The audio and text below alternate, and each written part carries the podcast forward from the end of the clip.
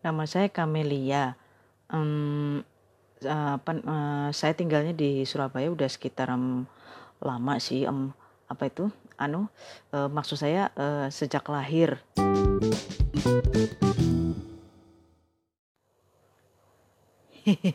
Gimana? Nggak enak kan ngedengernya? Masuk ngomong dari tadi cuman am am am am ona anu begitu. Capek deh.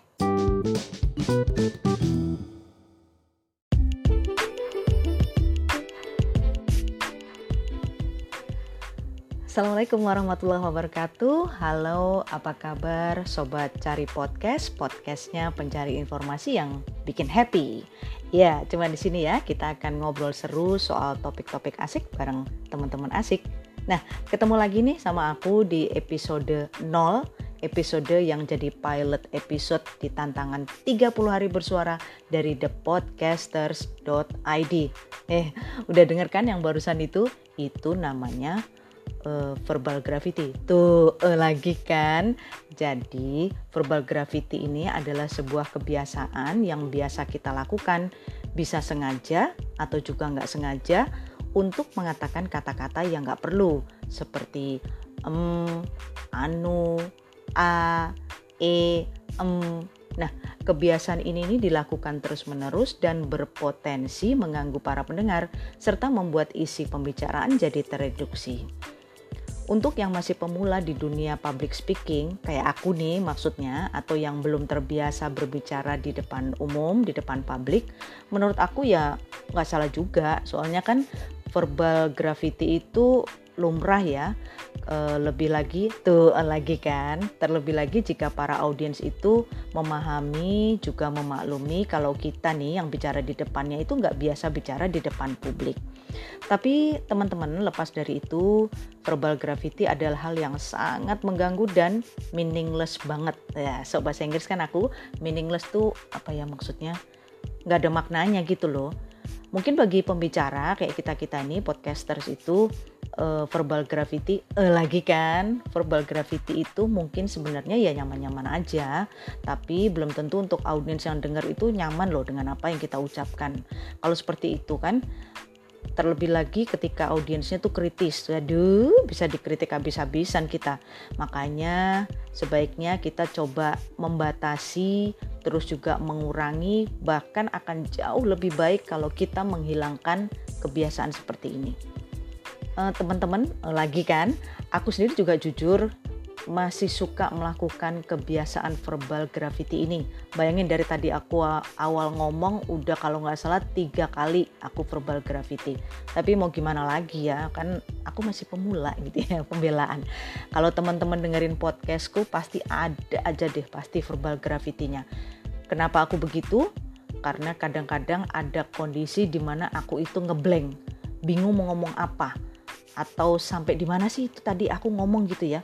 Verbal graffiti ini juga bisa terjadi ketika fokusku itu jadi kurang, jadi teralihkan gitu sama topik, e, teralihkan sama suatu hal dari topik yang semestinya aku bicarakan gitu ya.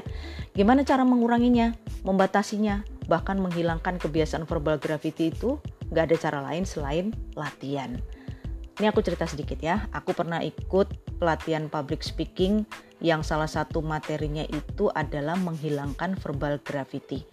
Di pelatihan itu teman-teman, kita, aku, para peserta itu diminta untuk, eh kita, kami harusnya ya, kami, aku diminta untuk nggak melakukan verbal graffiti awalnya nih selama minimal 20 detik.